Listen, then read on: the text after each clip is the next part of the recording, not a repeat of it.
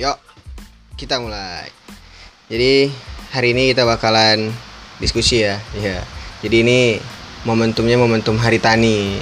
Karena kan ini momentum yang cukup besar ya, apalagi bagi mahasiswa, bagi kedaulatan pangan kita di Indonesia gitulah.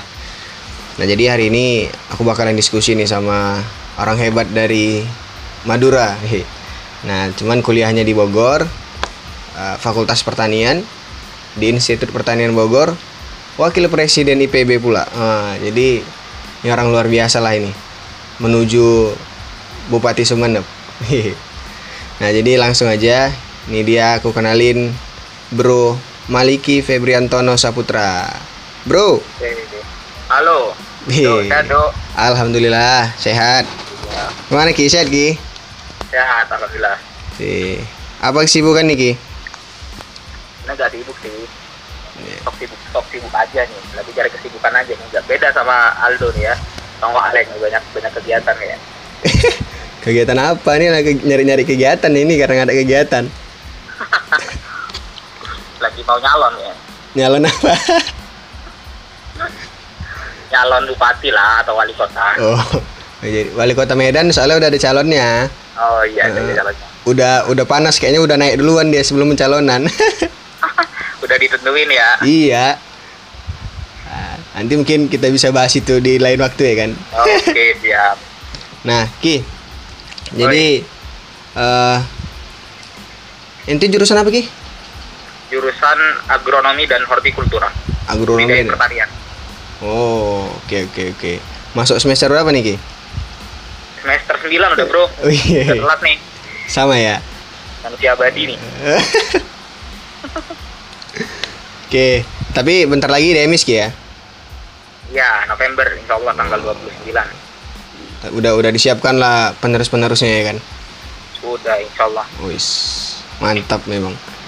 Oke, jadi karena momentumnya Hari Tani dan ini narsumnya betul-betul kredibel lah ini ya kan.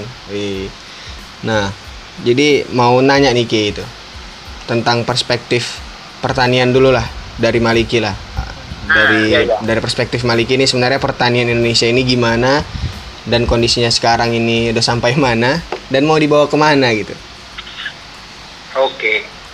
Ya, sebenarnya kalau bicara terkait dengan pertanian nih, pertanian tuh sebenarnya kalau teman-teman tahu, pertanian tuh bukan hanya pertanian yang ke sawah, ya budidaya pertanian, tapi pertanian tuh dalam arti luas gitu. Jadi ada perikanan, ada kehutanan juga, ada peternakan, dan itu segala lingkup dari pertanian sebenarnya. Nah, oleh karena itu sebenarnya pertanian ini bukan hanya tanggung jawab ITB ya sebagai Institut Pertanian Bogor, tapi sebenarnya tanggung jawab seluruh kampus dan seluruh umat manusia. Benar-benar. Karena kalau, kalau kata Bung Karno, pangan adalah hidup matinya suatu bangsa gitu ya kan ya. Hmm, pas mas. Jadi kalau kita paham bahwa sebenarnya kita harus memberikan yang terbaik dan mengupayakan nanti negeri kita ini bakalan daulat secara pangan karena siapa mengontrol pangan dia bakalan mengontrol orang gitu. Jadi pangan ini bisa buat rezim berganti gitu ya. Hmm. Pangan ini bisa bisa ngebuat politik gak stabil. Oleh Hmm. karena itu sebenarnya yang menguasai suatu negara itu adalah orang yang menguasai pangan. Ketika orang yang menguasai pangan dia tidak mendistribusikan pangannya, maka otomatis keadaan politik suatu negara bakalan kacau gitu. Dan akhirnya dia mampu untuk menguasai negara tersebut. Oleh karena itu di sini kalau kita lihat kondisi pertanian kita saat ini sebenarnya jauh dari jauh dari kata ideal karena sebenarnya cita-cita kita cita-cita Kementerian Pertanian pada tahun 2045 eh, adalah kedaulatan pangan. Nah, kedaulatan pangan itu ada empat faktor, bro. Jadi di kedaulatan pangan itu ada empat faktor, Walek. Jadi yang pertama adalah reforma agraria. Nah, terus yang kedua adalah pertanian berkelanjutan. Nah, terus yang ketiga adalah perdagangan yang ideal dan yang keempat adalah diversifikasi pangan atau pangan lokal. Nah, di sini yang merupakan empat hal yang nanti bakalan menjadi faktor-faktor dalam mendukung kedaulatan pangan. Nah, dari empat faktor tersebut, dari empat faktor tersebut ternyata masih belum banyak yang bisa diupayakan oleh pemerintah sampai saat ini. Reforma agraria masih kacau ya. Iya iya Kan benar. banyak ya kriminalisasi petani ya kan ya. Betul betul. Masih banyak perampasan lahan. Nah, ini kan masih masih jauh dari kata ideal. Nah, terus masalah perdagangan yang ideal, ternyata masih banyak uh, harga harga petani yang dibeli di bawah harga yang sesuai dengan jerih payah petani. Tengkulak tengkulak tuh ya. Nah, petani nggak bisa menentukan harganya sendiri kan. Betul betul. Nah, terus yang ketiga adalah pertanian berkelanjutan. Nah, pertanian berkelanjutan kita masih belum terbangun karena kebanyakan regenerasi petani masih kurang. Kebanyakan yang jadi petani itu umur 50 tahun ke atas. Hmm. Nah, jadi kita nih sebagai uh, anak-anak muda harusnya lebih banyak lah turun ke pertanian karena memang nanti agar transfer teknologi dan transfer informasi lebih cepat. Ya, nah, terus yang keempat adalah kita kalau kita lihat sekarang kan seragam ya, kita kebanyakan makan nasi ya, makan nasi dan beras. Nah, harusnya ada diversifikasi pangan. Kalau di daerah Madura harusnya makannya makan jagung, nasi jagung, karena itu adalah pangan lokal ya. Jadi pangan yang sudah mendarah daging, uh, mengkulturasi di Papua makannya makan sagu, kalau di daerah timur makannya makan sagu karena itu adalah makanan yang pangan lokal yang sudah mendarah daging di kalangan Hmm. mereka. Tapi sekarang kan kita me- apa ya kayak kita tuh generalisir bahwa sebenarnya semua orang tuh makan padi, makan benar. beras, makan nasi sehingga akhirnya kita konsumsi beras kita tuh tinggi dan Hmm. akhirnya mau gak mau kita harus impor beras. Nah ini yang yang apa ya problematika problema- pro- problematika yang sebenarnya gak akan kunjung selesai ketika kita berbicara terkait dengan pertanian. Nah oleh karena itu sebenarnya kalau kita lihat eh, pertanian kita pada hari ini di Indonesia itu jauh dari kata yang sangat ideal gitu sih. Hmm, bener sih jadinya karena akhirnya tergeneralisir lah ini padi tadi jadinya pangan kita juga jadi kurang variatif ya Benar banget. dan akhirnya nimbun di satu varian itu padi tadi beras ya jadi akhirnya kebutuhan kita pun melonjak gitu ya Benar. Jadinya kalau permintaan semakin tinggi, hmm, maka penawaran penawaran beras di Indonesia semakin menurun. Sehingga apa solusinya? Ya impor kan, nggak ada solusi lagi. iya benar benar benar Nah, itu yang harus dipikirkan sama-sama dari sebagai kita nih, sebagai pemimpin-pemimpin muda nanti, insya Allah ya. insya Allah insya Allah tapi Oke, gitu. menariknya tadi kan Ki eh, di pertanian berkelanjutan ini ya kan bahwasannya eh, kita yang kita capture hari ini tuh pertanian itu hanya di sawah ya kan? Pekerjaan orang-orang tua. Padahal sebenarnya di banyak universitas dan di institut kayak di IPB gitu ya menghasilkan sarjana-sarjana muda pertanian gitu ya yang harusnya eh, sebenarnya lebih siap gitu ya secara teoretikal gitu ya kan lebih siap untuk akhirnya terjun ke pertanian. Tapi yang aku lihat masih sedikit gitu ya Ki ya yang akhirnya langsung turun gitu. Masih muda nih betul-betul memanfaatkan eh, teknologi itu di era digitalisasi ini untuk akhirnya memajukan pertanian itu kayak mana Ki menurut pandangan Ya. Maliki nih Jadi sebenarnya dilema. Jadi yang pertama nih, yang pertama stigma negatif dari pertanian. Hmm. Pertanian itu kotor, pertanian itu tua, pertanian itu kolot, pertanian itu konvensional. Nah ini harus segera kita hilangkan dari pemikiran kita karena sebenarnya ada precision precision farming ya. Jadi ada uh, green greenhouse farming Oh. dan banyak hal-hal yang sebenarnya berbau teknologi. Nah, Benar, benar. kalau sebenarnya kita sebagai kaum muda harusnya kita bisa lebih adaptif dan lebih bisa transformasi pertanian itu lebih ke modern.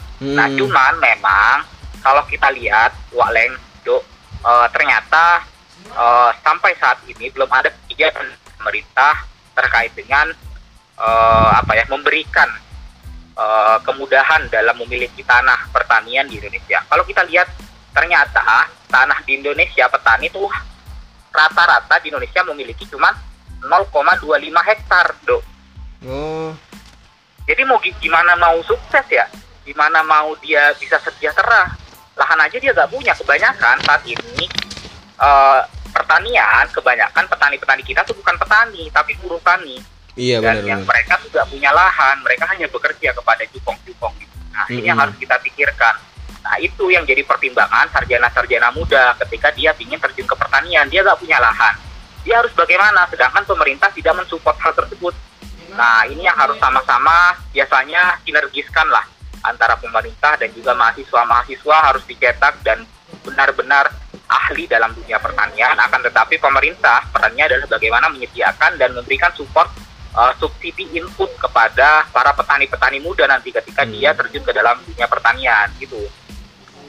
bener bener bener berarti emang eh, kita belum sepenuhnya terfasilitasi gitu ya kan untuk akhirnya Ya. bisa terjun langsung setelah sarjana nih langsung benar-benar menerapkan ilmu mengimplementasikan ilmu terkendala di sana tadi ya kan pemerintah Ya, juga belum benar. mewadahi dengan maksimal gitu ya Iya ya. Hmm. dan men- menariknya itu tadi benar ya kita bukan walaupun negara agraris gitu kan bukan mayoritas pe- petani itu tapi malah mayoritasnya buruh tani ya Benar. Miris Ah. ya. Iya benar-benar. Jadi kayak mana kita mau mengatakan swasembada pangan gitu kan. Sementara ya kita cuma bekerja aja gitu kan, bukan hak milik kita sebenarnya perta- pertanian tadi ya.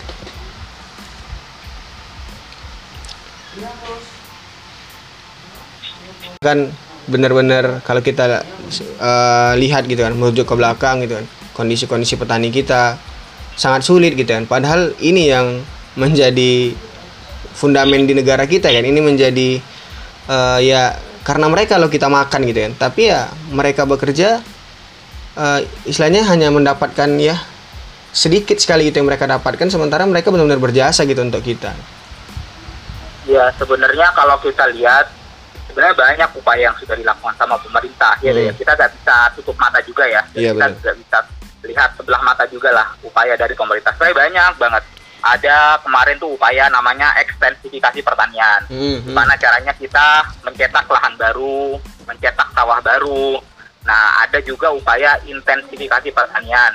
Nah jadi itu upaya kita dalam eh, memberikan subsidi-subsidi input baik subsidi pupuk subsidi benih dan juga alat-alat mesin pertanian do jadi sebenarnya sudah diberikan Hmm. Nah, cuman memang ternyata masih banyak oknum-oknum yang memanfaatkan eh, adanya bantuan-bantuan tersebut sehingga eh, ini yang harusnya bisa menjadi dan meningkatkan terkait dengan produktivitas pertanian dan juga eh, kedikdayaan pertanian ke depannya ternyata malah eh, menguntungkan salah satu pihak dan oligarki-oligarki tertentu.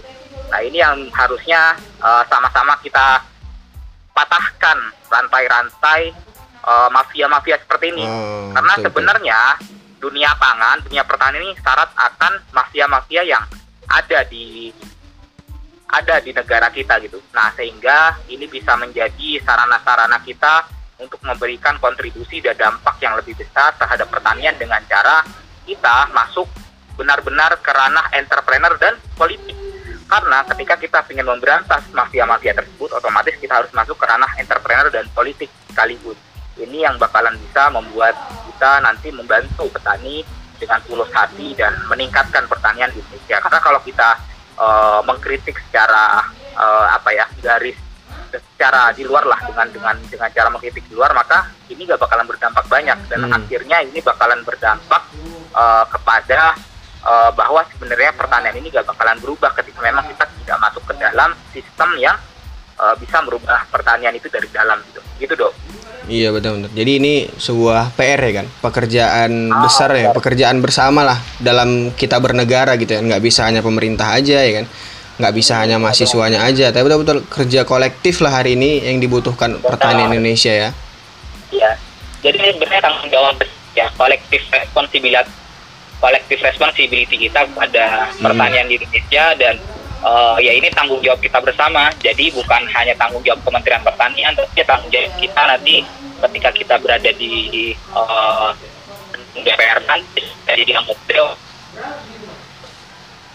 nasib pangan ini harus benar-benar kita perjuangkan Hmm. Betul betul betul. Tapi eh, kemarin 24 September hari tani Ki ya. Ya benar 24 Desember hari tani. Ada aksi nasional ya dari BMC dan IPB ya. Ada eh, aksi media nasional dan ada audiensi dengan pihak Kementerian Pertanian dan Kementerian ATR BPN kemarin. Hmm. Memang di kondisi pandemi gini kita juga harus memikir beberapa kali untuk turun aksi Ki ya. Iya, karena kita kan sebagai kaum intelektual ya, ya kita nggak bisa lah mencederai eh, nama baik dan nama besar kita sebagai mahasiswa gitu. Oleh karena itu kita coba eh, diversifikasi pergerakan lah. Jadi Mm-mm. gimana caranya kita bikin pergerakan uh, transformatif di tengah pandemi ini ya salah satu caranya adalah bagaimana kita audiensi dengan para pemangku kebijakan gitu. harapannya di sana bisa disampaikan apa rekomendasi kebijakan kita uh, dari kita dan harapannya itu bisa menjadi perbaikan untuk tahun-tahun uh, selanjutnya karena harapannya uh, momentum Hari Tani ini bisa jadi momentum awalan kita untuk memperjuangkan hak-hak petani dan hak-hak uh, dari buruh tani gitu. Ya, karena aksi itu hanya salah satu jalan ya kan, bukan satu-satunya jalan untuk memperjuangkan benar, benar. manfaat tadi ya. Iya iya. Nah, aku sempat baca kan ki uh, di tuntutan KMIPB kemarin, itu ya. ada menyinggung soal food estate ya. Iya. Nah, itu gimana tuh ki? Iya, sebenarnya food estate ini adalah upaya kalau tadi gue bilang tuh ini upaya ekstensifikasi do. Mm-hmm. Jadi maksudnya upaya ekstensifikasi adalah upaya dalam bagaimana kita memperlebar memperlebar lahan pertanian, memperbanyak dan memperluas lahan pertanian. Nah, food estate ini adalah pembukaan lahan kalau bahasa kerennya gitu ya. Mm-hmm. Jadi uh, pembukaan lahan di mana uh, nanti harapannya dengan adanya pembukaan lahan ini maka produktivitas dari pertanian kita bakalan meningkat terutama produktivitas beras gitu ya. Hmm. Nah di sini sebenarnya yang mungkin dan bisa sangat terjadi adalah konflik ag agraria. Jadi di masalah food estate ini sebenarnya food estate sudah pernah dilakuin di zaman uh, Bapak Soeharto. Hmm. Bapak Soeharto pernah dilakuin food estate juga di zaman Bapak SBY juga pernah dilakuin. Nah tapi mereka berdua gagal dalam melakukan food estate ini uh, extend apa ya ekstensifikasi pertanian gitu. Nah, apakah ini menjadi pengulangan sejarah kegagalan di food estate tahun ini atau ini jadi uh, sebuah keberhasilan? Nah, ini kita nggak tahu atau ini adalah uh, apa ya tulus untuk masyarakat dan rakyat dan petani atau ini adalah karpet merah untuk para oligarki kita kan nggak tahu ya. Nah, ada ini yang harus kita ya? sama-sama uh, kawal dan biasanya yang paling bermasalah adalah konflik lahan. Mm-hmm. Jadi para para warga uh, ataupun warga sekitar di sana yang lahannya dirampas. Nah ini yang perlu kita sama-sama coba perjuangkan dan peta, para petani di, di sekitar tanah diharapkan ketika sudah uh, berjalan program estate ini harapannya bisa mendapatkan pekerjaan yang layak dan bantuan dengan cepat gitu ya karena memang ini kan program pemerintah tuh benar-benar berarti iya memang di bukan hanya di ibu kota atau mungkin di Bogor ya di mana-mana memang kita sangat familiar ya dengan konflik-konflik agraria ini ya. Benar. Akuisisi lahan dan sebagainya gitu ya. Iya, iya. Malah kemungkinan besar kalau memang food estate ini gagal lagi dilaksanakan pada periode ini bisa menyebabkan konflik agraria yang lainnya gitu ya. Kalau di, ya. tidak dikelola dengan baik ya. Ya. Nah, ya hmm. gitu. Jadi jadi konflik agraria biasanya ya timbulnya dari perampasan lahan Benar. dan konflik dengan para dengan masyarakat. Sama-sama coba di ini ya dihilangkan gitu. Karena sebenarnya kadang harusnya kan uh, semua program dari pemerintah kan tulus untuk rakyat ya untuk petani dan untuk para uh, buruh tani bukan hmm. uh, ini menjadi agenda untuk memberikan nah, nah ini yang harus kita sama-sama coba uh, terus perjuangkan dan sama-sama untuk kita kawal agar memang benar-benar keberpihakan dari pemerintah memang untuk rakyat Indonesia bukan untuk kepada uh, para oligarki dan pengusaha gitu. Betul betul. Sebenarnya dengan kondisi negara kita ya kan dengan kondisi SDA kita sebenarnya kita bisa menjadi negara yang memiliki komunitas pertanian yang luar biasa Ki ya? Benar iya. Sebenarnya banyak banget dok yang bisa dilakukan ya. Mm -hmm. adalah kelembagaan pertanian. Kan kita tahu bahwa sebenarnya perorangan di Indonesia kepunyaan yang ya, yang paling besar besar. Kalau di luar negeri itu sampai dua hektar loh misalnya orang punya lahan. Itu paling paling paling gede itu 0,25 hektar. Gimana mau mau kita jasa cost productionnya kalau dalam ekonomi itu bakal lebih besar daripada biaya penjualannya mereka. Hmm. akhir. Nah ini yang harus kita pikirkan dan sama-sama kita pikirkan nah ternyata yang bisa dilakukan itu adalah kelembagaan pertanian kelompok tani. Nah tapi memang benar-benar serius bagaimana penggarapan kelompok tani dan kelembagaan pertanian seperti koperasi. Dan benar-benar harus terintegrasi antara pemerintah sektor swasta sehingga nanti pasar yang yang yang bakalan menerima hasil-hasil pertanian itu sudah kebentuk. Tidak tidak tidak dipermainkan para petani gitu. Jadi pemerintah yang wajib untuk menjaga harga dan sama-sama untuk mengawal kelompok tani dan uh, para koperasi kelembagaan pertanian ini untuk terus berproduksi dan memiliki produktivitas dan kualitas yang sangat tinggi. Nah ini sebenarnya bagus, cuman memang uh, namanya juga banyak mafia ya dan susah ketika kita berbicara tentang kupong juga tengkulak. Nah, nah oleh karena itu memang ini harus ya ada upaya integri, integrasi lah kalau menurut gue ya. Jadi antara pemerintah, swasta dan juga uh, sektor uh, petani sendiri gitu. Itu sih kalau dari gue memang agak susah kalau memang ini tidak bisa sinergis menurut gue. Hmm, harus ada sebuah payung yang benar-benar komprehensif ya untuk menangani persoalan pertanian ini berarti ya dari segala sudut gitu Ki ya. Iya, benar. Hmm. Cuman Ki kemarin uh, kayak tadi kan dua di luar negeri mayoritas punya 200 hektar gitu ya. Sementara ya, di sini 0,25. Ah, kalau di luar negeri itu lebih dari 100 sampai 200 hektar tuh bisa satu orang. Hmm. Itu kan keren banget kan ya mereka punya punya alat pertanian pun nggak nggak sayang. Kalau kita yeah. kan iya. punya alat pertanian kan 0,25 hektar mau buat apa dong punya sayang sama bensinnya terus bener, uh, cara pengoperasiannya susah. Nah itu kan yang harus jadi pertimbangan kan. Cost produksinya lebih tinggi ya. Iya. Benar benar benar masih banyak PR lah kita di pertanian ini ya. Benar. Cuman kemarin ada yang menarik. Uh. nah kita menggaungkan hari tani hari tani itu kan kedaulatan pangan segala macam Sementara yang dicuit uh, kemarin ada cuitan petani itu tahu nggak sih tanggal 24 September itu hari tani gitu. Iya. ya kalau menurut ya kalau menurut gue ya uh, itu pertanyaan yang uh, apa ya? Ya sebenarnya secara logika salah. Uh-huh. Bukan salah sih. Uh, gini ya, jadi ya nggak perlu lah dipertanyakan seperti itu karena hmm. sebenarnya uh, antara yang diperjuangkan yang dan yang memperjuangkan memang nggak harus saling tahu menau gitu. Soalnya ini gua uh, memperjuangkan hak lu uh, untuk hmm. untuk apa lah untuk untuk bersekolah dan lain-lain ya antara gua dan lu yang gua perjuangkan ya harus tahu lu iya, yang memperjuangkan adalah Maliki nah ini gua berinfak di dompet duafa gua hmm. memperjuangkan teman-teman pemimpin di Nusa nih ya tahu lah ya kan orang-orang bakti Nusa ternyata di balang tidak dibalik dari bakti Nusa ternyata ada gua sebagai support donasinya hmm. nggak perlu tahu kan yeah, paling yeah. Uh, orang yang memperjuangkan ya orang yang diperjuangkan itu gak perlu saling tahu. Yang yang harus tetap diperjuangkan adalah bagaimana kita memang benar-benar keberpihakan kita yang tulus untuk petani gitu. Dan kita terus mengawal kebijakan-kebijakan yang tidak pro dan juga tidak berpihak kepada para petani dan rakyat kecil. Itu sih kalau menurut gue sih. Hmm. tapi di satu sisi sebenarnya itu uh, sebuah ini juga sih ya kan kalau menurutku sebuah tamparan juga sebenarnya buat kita. Kalau misalkan petani ini belum tahu hari tani maka mungkin komunikasi kita gitu dan sebagai mahasiswa untuk memperjuangkan pertanian mungkin memang harus lebih ekstra lagi mungkin sisi positifnya dari situ ya kan? Sehingga petani-petani ini pun bisa ikut bersinergi sama kita gitu ya kan? Ya sebenarnya kalau gue lihat sebenarnya petani tidak sabar sih. Hmm. uh, kalau dilihat kemarin kan ada aliansi buruh jadi mahasiswa sebenarnya nggak sendiri kemarin.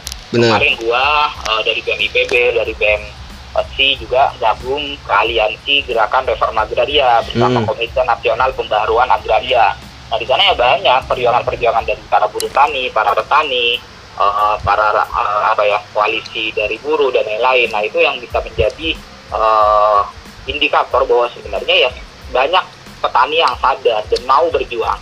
Masalahnya ada beberapa petani yang sulit mungkin transportasi untuk mengikuti aksi, mungkin dari fisiknya sudah tua dan dia nggak hmm. bisa uh, ikut dalam perjuangan ini ya pastinya ya yang banyak ikut berjuang adalah anak-anak muda dan Benar. para uh, pemikir progresif terkait dengan uh, reformasi radikal di dunia pertanian ini. Benar, benar, benar, benar. Karena mereka juga terbatas dari segi waktu, dari segi tenaga ya, Ki ya. Ya, kan banyak yang tua juga sih. Ya, hmm. ya, ya, ya, tapi banyak sih menurutku yang udah berjuang dan sama-sama mewakili yeah. lah uh, suara dari para petani benar-benar jadi uh, harapan lagi gitu. Harapan Maliki nih sebagai orang yang benar-benar uh, expertise lah ya kan di bidang pertanian nih menuju lah. Atau memang udah udah udah udah luar biasa lah nih ya kan insight yang didapat dari diskusi kita ini. Harapannya apa sih untuk pertanian Indonesia gitu Ki? Ya sebenarnya harapan kita ya tetap ya kita bisa daulat atas pangan kita gitu. Mm -hmm. karena uh, ketika kita sudah daulat terhadap pangan kita kita sektor-sektor yang lain. Saat ini kan kita mikir masalah pangan aja gimana kita bisa mikirin masalah dan gimana kita bisa bisa mikirin masalah ketika pangan kita ubah pick up dari lain. Nah harusnya kita segera menyelesaikan kita bisa segera eh, transisi permasalahan-permasalahan yang lain. seperti permasalahan pendidikan yang kita kalah jauh dengan luar negeri gitu. Kalau kita tahu kita kalah 100 tahun dari luar negeri. Gitu. Dari Amerika kita kalah 100 tahun Betul uh, betul. masalah teknologi dan semua pengetahuan. Nah, oleh karena itu ini yang harus jadi PR kita sama harapannya kita segera tuntaskan masalah kedaulatan pangan di negeri kita sehingga nanti kita bisa beralih ke permasalahan-permasalahan yang lebih substansial dan akhirnya kita bisa menjadi negara yang maju, negara yang berdaya dan kita bisa berdiri di atas kaki kita sendiri. Indonesia maju, uh, insya Allah kita bisa merawat ya. Kita belajar merawat Indonesia Insya Allah. uh, di Bakti Nusa ya. Ya, Wah. Kita kan sudah diajari bahwa sebenarnya kita di sini sebagai pemimpin kita bakalan merawat Indonesia ke depannya. Itu dong. Benar, karena memang eh, merawat Indonesia ini tugas panjang ya, perlu nafas yang benar-benar panjang ya kan. Jadi tadi juga ya kalau kita kalah 100 tahun dari teknologi, dari segala ya dari teknologi lah terutama ya kan tadi kayak dari Amerika. Berarti memang kita perlu akselerasi yang luar biasa lah ya kan Ki, perlu effort yang di luar dari biasanya gitu ya. Kalau kata Pak Presiden kita apa extraordinary ya, perlu kerja-kerja extraordinary kita untuk akhirnya mengejar ketertinggalan dulu ya kan sebelum akhirnya kita melakukan akselerasi lain di bidang-bidang lainnya gitu ya. Benar-benar. Nah, jadi itu tadi harapan untuk pertanian ya kan dan selamat juga lah Ki ya kan udah lancar kemarin aknasnya dan juga bentar lagi juga udah mau selesai ya kan masa baktinya di IPB. Nah, cuman Perjuangannya belum selesai tapi. perjuangannya belum selesai bener karena manf- menebar manfaat itu bukan saat hanya ada jabatan struktural Ki ya tapi setelah Iya. itu sampai jadi ada yang mengatakan kita harus bermanfaat sampai wafat deh Ah, mantap ya. Benar. Tapi ada satu ini nih Ki, pertanyaan yang di luar dari konteks pertanian. Gimana rasanya satu periode jadi wapres dengan kegiatan yang mungkin didominasi oleh kegiatan online Ki? Ya, sebenarnya ini menarik ya. Jadi eh, kita nih kalau bahasanya sebenarnya pemimpin-pemimpin yang hebat, eh, great leader ya. Kalau bahasanya Hmm. dalam buku-buku great tuh karangan Jim Collins, ya kita yang mampu adapt, adaptif ya. Kita yang Betul. mampu bertransformasi dengan cepat di kala eh, krisis menimpa kita gitu. Karena ya ini kan adalah krisis ya pandemi COVID-19 yang yang kita nggak tahu datangnya kapan, kita nggak tahu berhentinya juga kapan. Ya kita memang harus adaptif dan kita harus bertransformasi. Nah kalau dari gua sebenarnya ya eh, pertama memang kaget ya. Kita kaget, kita mungkin semuanya ya semua di Indonesia kaget dan eh, sulit menerima kenyataan. Tapi yang paling pertama yang harus kita lakukan adalah bagaimana kita menerima kenyataan bahwa sebenarnya ini, ini adalah krisis pandemi COVID-19 yang menyerang kita. Nah, kita harus segera ber- beradaptasi dan kita harus segera bertransformasi agar organisasi yang kita bawa bisa aja gitu ya, bisa aja dan lean ramping gitu. Di sini ketika kita berbicara tentang organisasi di masa pandemi kita ramping dan akhirnya ramping itu akan membuat organisasi kita menjadi lincah dalam bergerak dan transformasi. Nah itu, nah itu yang kita buat dapat pelajaran dan dari sini kita belajar bahwa pemimpin yang hebat hasil ketika ini lingkungannya itu sudah ideal gitu. Nah di sini adalah salah satu waktu dan juga eh, kesempatan bagi kita ya opportunity bagi kita bagaimana kita menunjukkan bahwa sebenarnya kita yang benar-benar pemimpin akhir kita akhir dari zaman yang tidak ideal dan kita bisa bangkit dan juga bertahan di tengah krisis pandemi COVID-19 ini. Itu sih Jadi bener ya di tengah sekelumit permasalahan ya kan, di balik sebuah tekanan di situ juga ada kesempatan sebenarnya untuk mengembangkan diri Ki ya. ya kan terbentur, terbentur, terbentur dan terbentuk ya. Si kata Tan Malaka ya. kata Tan Malaka benar. Jadi dalam setahun ini me- apa menikmati kegiatan-kegiatan di BEM secara online yang pastinya dengan ini kayak dengan apa sadar penuh dan hadir utuh ya. Benar. Nah Wih. itu salah satu hal yang harus kita pegang sama-sama nih. Karena hadir penuh sadar utuh tuh memang harus benar-benar ada di setiap jiwa kita gitu ya.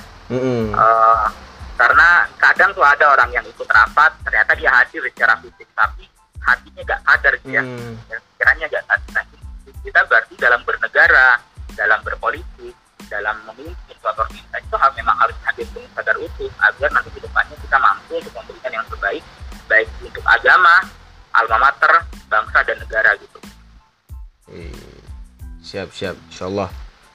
Jadi eh, itu aja lah mungkin Ki ya untuk pembahasan seputar pertanian tadi Maliki juga lagi ini ya lagi konsol BEM sejabodetabek ya. Iya iya Nah, jadi ini Maliki sibuk tapi sempat dia eh, menerima undangan podcast dari saya ya. buat orang keren lah harus diterima di dalam.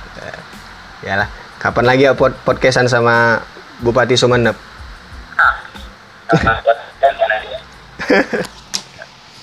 Kiki, mungkin makasih banyak Ki informasi dan pengetahuan-pengetahuannya ya. Awak juga perlu banyak belajar lagi nih kayaknya soal dunia-dunia pertanian ya kan. Nah, jadi itu aja Ki. Eh, mohon maaf Ki kalau ada kata-kata yang salah tadi ya.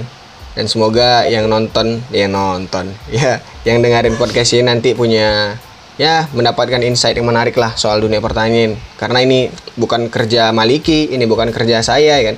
Ini bukan hanya kerja pemerintah tapi ini sebenarnya kerja kita sebagai sebuah negara, apa pun elemennya gitu ya, mulai masyarakat, pemerintah, LSM semua segala macam untuk memberantas uh, permasalahan di pertanian maka kita perlu kerja kolektif tanpa memandang strata, tanpa memandang status apa pun. Jadi semangat buat Oke, kita. gua main ke Medan ya Wih, ditunggulah. Kalau ke Medan pokoknya kita siap menjadi ajudan wapres. mantap siap siap Kini saja semoga juga oke pertanian kita dikdaya ya kan. Oke, amin Bisa reforma agraria dan juga akhirnya kita bisa swasembada pangan. amin Amin amin. Itu aja Ki. Makasih banyak. Semoga dilancarkan aktivitasnya.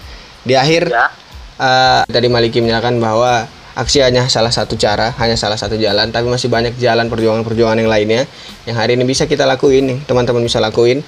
Semoga podcast ini bisa menjadi bentuk penyadaran dan juga menambah kekayaan wawasan kita seputar dunia pertanian. Terima kasih Maliki.